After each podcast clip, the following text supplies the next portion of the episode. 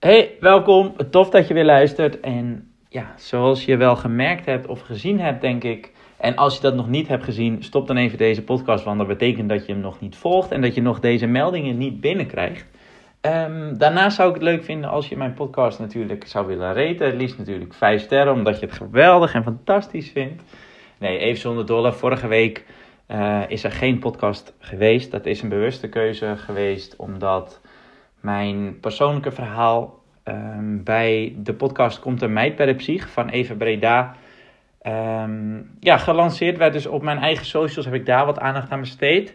En dat gaat over nou ja, mijn verhaal vanaf mijn brandwonden eigenlijk tot en met nou ja, de opname wat um, vorig jaar mei geloof ik was.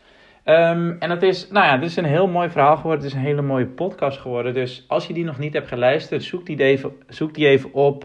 Komt een meid bij de psych op Spotify. Staat ook op Google Podcast en op Apple Podcast. Um, ja, en als je dat dan doet, laat me dan even weten wat je ervan vindt. Want dat vind ik alleen maar ja, cool en tof om te horen.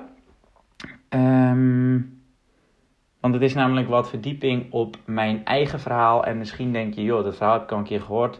Hier zitten echt veel meer ins en outs in, veel meer details. Zoals de titel al zegt, woensdag gehaktdag. Ja, wat is nou precies gehaktdag? Misschien is het uh, goed voor jou of misschien weet je niet helemaal wat het is. Um, nou, tegenwoordig kan je natuurlijk, het is heel oud, sowieso woensdag gehaktdag.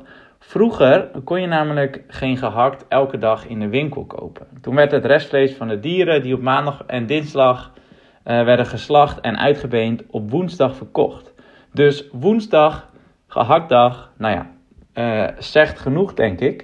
Um, en zelf maak ik altijd gebruik van de term woensdag gehaktdag als ik bijvoorbeeld een keer ging sporten of iets dergelijks. En je ging gehakt van iemand maken. Dus je ging iemand inmaken of nou ja, ja waarschijnlijk ken je de termen wel. En wat ik vandaag ga doen is, ik ga woensdag gehaktdag toepassen op het, of niet op het, op de term binden, boeien en behouden. En ik ga daar een veel beter alternatief voor aandragen. Um, en dat zijn, nou ja, serieus, heel toevallig zijn dat ook drie B's. Dat heb ik ooit bedacht. En nu blijkt dat, nou ja, overeen te komen. Um, even terug naar het begin, 2015, 2016. Toen bleek al dat verpleegkundigen veel meer stress ervaren dan de gemiddelde beroepsbevolking. In 2015 en 2016 had namelijk maar liefst 23 van de jongere, jongere collega's burn-out klachten. En dat was twee keer zoveel als de gemiddelde beroepsbevolking van Nederland. En vanaf 2016 is die negatieve stress alleen nog maar toegenomen. En nou ja, ik heb het vaker verteld natuurlijk, of ik heb die cijfers vaker genoemd. Um, in 2021 zijn er meer dan 27.000 verpleegkundigen gestopt, hebben de zorg verlaten. 40% van de beginnend verpleegkundigen die stopt binnen twee jaar. En het verzuim is nog steeds hoger dan ooit.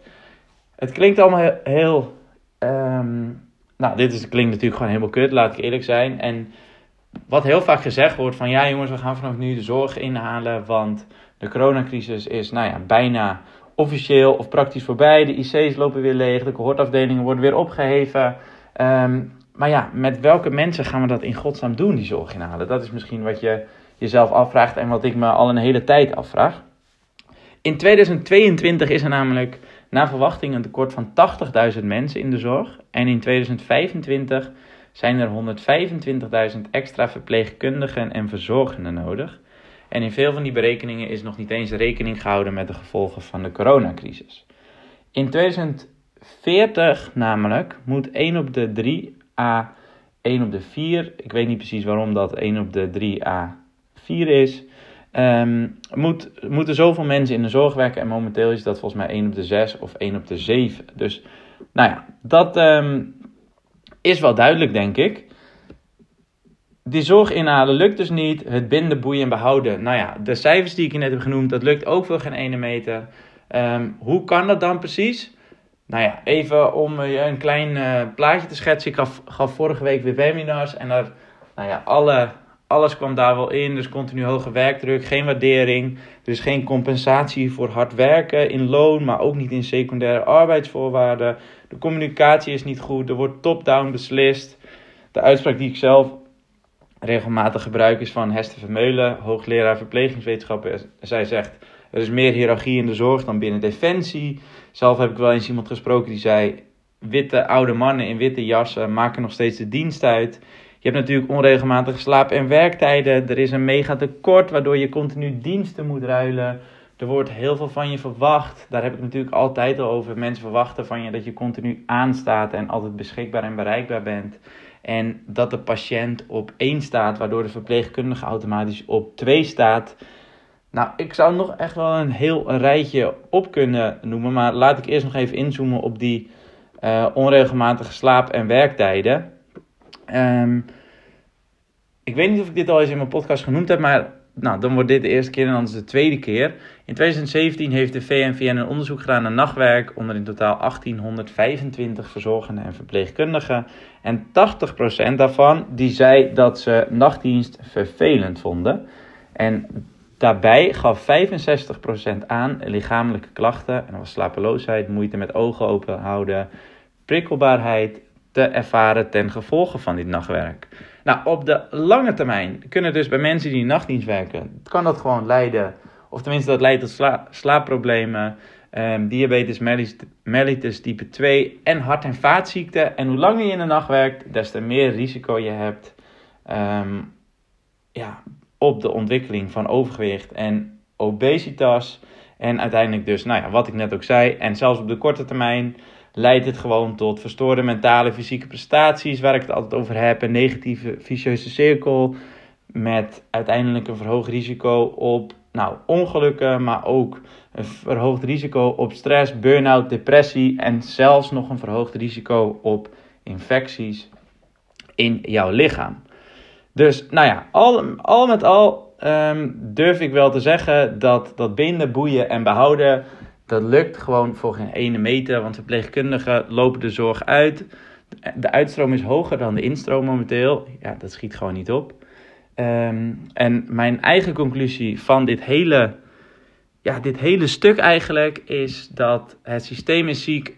En dat wordt op dit moment gecompenseerd door verzorgenden en verpleegkundigen, uh, waardoor zij weer ziek worden. Nou, ik ga je natuurlijk niet alleen een mooi verhaaltje vertellen, want ik, er is ook licht aan het einde van de tunnel. Um, en wat ik al had gezegd, er is namelijk een alternatief voor het windenboeien behouden. En dat is mijn eigen methode natuurlijk. Um, dat staat namelijk voor beseffen, beslissen en bereken. En die eerste B, dat is dus beseffen wat, ja, waar jij last van hebt momenteel. Wat je overtuigende uh, of beperkende overtuigingen zijn, waar die vandaan komen en wie je echt bent. Dus niet meer op zoek naar de waardering van bijvoorbeeld je vader of je moeder. Of je weet dat je diep van binnen tegen jezelf zegt dat je niet goed genoeg bent. Dat je zwak bent. Dat je last hebt van de regel ik moet sterk zijn. Of dat je last hebt van perfectionisme bijvoorbeeld. Dan vervolgens gaan we naar ja, beslissen wat je wel en niet dient. Um, kijk, er zijn natuurlijk een heleboel dingen die je niet dienen en die je die je wel dienen. Um, zelf zeg ik altijd, begin in ieder geval met het accepteren van jezelf. En dat betekent ook dat je de, de lelijke dingen en aan de andere kant natuurlijk de mooie dingen van jezelf gaat accepteren. Maar het beginpunt is altijd acceptatie. En Pas als je jezelf volledig accepteert zoals je bent, kan je daarna verder gaan. En dat betekent niet dat je blij bent met wat je aan het accepteren bent, want je hebt natuurlijk ook nog concrete acties en concrete handelingen te doen. Ehm, maar dan kan je dus vervolgens, en dat is daarom ook de laatste B, kan je gaan breken met alles wat je niet meer nodig hebt. En dat klinkt heel rigoureus, dat hoeft het niet per se te zijn, want je bent namelijk uiteindelijk ook degene die zelf breekt met jouw eigen. Um, ja, gewoontes en gedachten. En sterker nog, je bent ook uiteindelijk zelf degene die breekt met nou, misschien je relatie of met vrienden, familie, je baan, waar je uiteindelijk ook mee te breken hebt. Ja, ik weet het op dit moment niet. Ik kreeg een tijdje geleden nog een berichtje van iemand ehm, en diegene zei um, dat hem of haar een nieuwe baan aangeboden was gekregen had gesolliciteerd op een nieuwe functie, aangenomen. Diegene was aangenomen en toen kwam er eigenlijk uit dat um, diegene die baan helemaal niet wilde. En de conclusie daarvan was dat diegene dus moest breken met ja, wat er eerder was. En dat diegene helemaal niet meer wilde uh, wat diegene dus ja, daarvoor wilde. En het klinkt misschien als een heel vaag verhaal omdat ik deel dat diegene zeg. Maar waar het op neerkomt is een persoon die altijd gedaan heeft um, wat hij of zij deed. En in het kader van als je doet wat je deed, dan krijg je wat je kreeg. En die persoon wilde dat niet meer. Dus die had een hele mooie stap gemaakt um, naar lange termijn fijn en korte termijn pijn. En die korte termijn pijn, die was dus ja, afscheid nemen van dat oude. En dat is echt niet leuk. Um, en ja, daarvoor ga je door een heleboel beseffen, beslissen en breken. Um, maar als dat uiteindelijk is wat je nodig hebt, ja, dan uh, is dat wel gewoon het werk dat je te doen hebt uiteindelijk. Het leuke is aan beseffen, beslissen en breken, is dat die methode namelijk wel werkt. En dan heb ik het niet over het allergrote plaatje van het binden, boeien en behouden natuurlijk. Dat werkt over, ja, overduidelijk niet. Um, ik ga geen garanties geven dat als een werkgever naar mij toe komt die zegt: hey, ik heb die uh, of de beseffen, beslissen en breken methode van jou nodig, want ik wil al mijn medewerkers behouden. Nee, dat zou ook kunnen dat een aantal medewerkers dus niet meer behouden worden. Maar ik geloof wel in, in werkgeluk en ik geloof ook in het feit dat als jij op dit moment niet op je plek zit, dat je dan vanuit werkgeverschap een goed alternatief en een betere plek voor diegene mag gaan zoeken. Um, zelfs als dat dus betekent dat diegene niet wordt behouden ja, voor, voor zichzelf of voor de afdeling of voor de organisatie. Waarom durf ik nou te zeggen dat nou ja, mijn methode wel werkt? Puur kijkend naar de reviews die ik verzameld heb, die mensen over mij uh, zeggen. Ik zal er bijvoorbeeld eentje voorlezen, of misschien maak ik er wel twee van. Deze gaat bijvoorbeeld zo: Ik zat niet lekker in mijn vel en was niet mezelf. Het was het juiste moment om het coachingtraject aan te gaan en te gaan leren hoe ik beter voor mezelf kan zorgen. Ik ben zelf werkzaam als verpleegkundige en aangezien Thomas bekend is met dit vak, leek het mij mede daarom goed het coachingtraject via hem te doen. Ik heb op één sessie naar alles online gedaan. Um, dit was mede vanwege corona, maar zeker niet minder effectief. Thomas gaat naar terug naar de kern van je persoonlijkheid. Ik kwam er tijdens de coaching pas achter dat mijn opvoeding erg meespeelde in de persoon die ik was. Sommige sessies waren heel confronterend, maar daarnaast voelde het zo fijn om eindelijk mijn hart te luchten over zaken die ik altijd maar aan het vermijden was. Dus ja, hier hoor ik zelf, omdat het natuurlijk mijn methode is, hoor ik heel mooi dat stukje um, besef in. Want dit is namelijk echt het besef waar het vandaan komt en een stukje acceptatie. Ga ik even verder. Ik heb geleerd om dichter bij mezelf te blijven en te luisteren naar mijn gedachten en gevoelens. Ik hoef mezelf niet meer weg te cijferen en ik gun mezelf meer dan al die tijd daarvoor. Hoe fijn is het om weer lekker in je vel te zitten en te kunnen accepteren dat je naast de positieve momenten soms ook gewoon een rotdag mag hebben. Het gaat er niet om wat je meemaakt, maar hoe je ermee omgaat. Nou, heel mooi. De volgende fase en uiteindelijk lopen de fases natuurlijk ook in elkaar door. Um, maar ja, beseffen wat je daadwerkelijk wilt eigenlijk. En dat je ook gewoon kan accepteren dat je bij jezelf blijft. En dat, je, dat het ook oké is om af en toe een kutdag te hebben. Nou, dan het laatste stukje. Ja, dat is meer een aanbeveling eigenlijk. Als je het gevoel hebt dat je altijd wegcijfert voor anderen of jezelf niet uitspreekt uit angst voor de gevolgen, dan zou ik zeggen: neem gauw contact op met Thomas. Hij sluit aan bij jouw wensen en behoeftes en stelt je op je gemak. Thomas is prettig in de omgang, confronteert je op de momenten dat het nodig is, maar gebruikt ook zijn humor, waardoor je elke sessie met een lach afsluit. Thomas, heel veel dank voor dit mooie coachingstraject dat ik bij je mocht volgen. Um, kijk, dit is natuurlijk fantastisch. Ik heb het al heel vaak gelezen, dit. En um, ja, het raakt me natuurlijk nog steeds. Ik ben ook trots op wat uh, deze reviews trouwens van Geriana, wat zij bereikt heeft.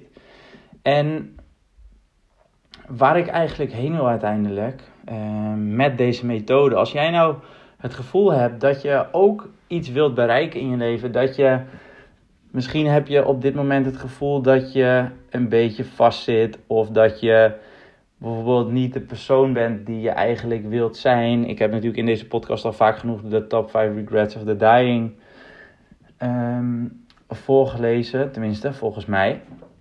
En wat ik uiteindelijk voor je kan betekenen is dat je niet meer het gevoel hebt dat je moet switchen van je persoonlijkheid, bijvoorbeeld. Of niet of, en je durft, dat je durft te zeggen wat je werkelijk ja, denkt. En dat je doet wat je werkelijk wilt. Ehm, en dat je kiest voor wat je werkelijk wilt. Omdat je dus gelooft dat je het waard bent. En dat je niet meer altijd bang bent om andere mensen teleur te stellen. Of dat je niet meer altijd voor andere mensen aan het zorgen bent. En ga je uiteindelijk dus ook van die ehm, korte termijn fijn, lange termijn pijn. Juist naar korte termijn pijn, lange termijn fijn. Waardoor je gewoon de persoon durft te zijn die je diep van binnen bent.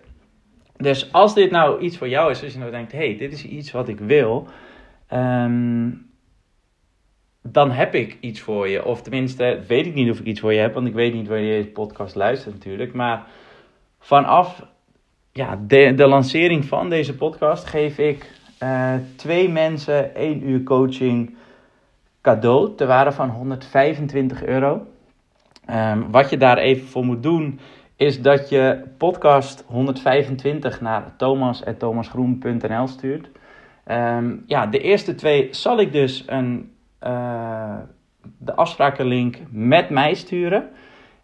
En nou ja, als je later bent, dan hoor dat natuurlijk vanzelf. Um, maar schroom vooral niet om contact met me op te nemen, zelfs als dit over een aantal maanden pas is. Dan wil ik je voor nu gewoon heel erg bedanken voor, nou ja, op weer, opnieuw, op weer wilde ik zeggen, maar dat klopt natuurlijk niet. Uh, voor het luisteren, Thomas 125 nogmaals naar thomas.thomasgroen.nl en dan spreek ik je gewoon heel graag um, ja, de volgende keer weer. En dan wens ik je een hele fijne ochtend, middag of avond en misschien zelfs nacht.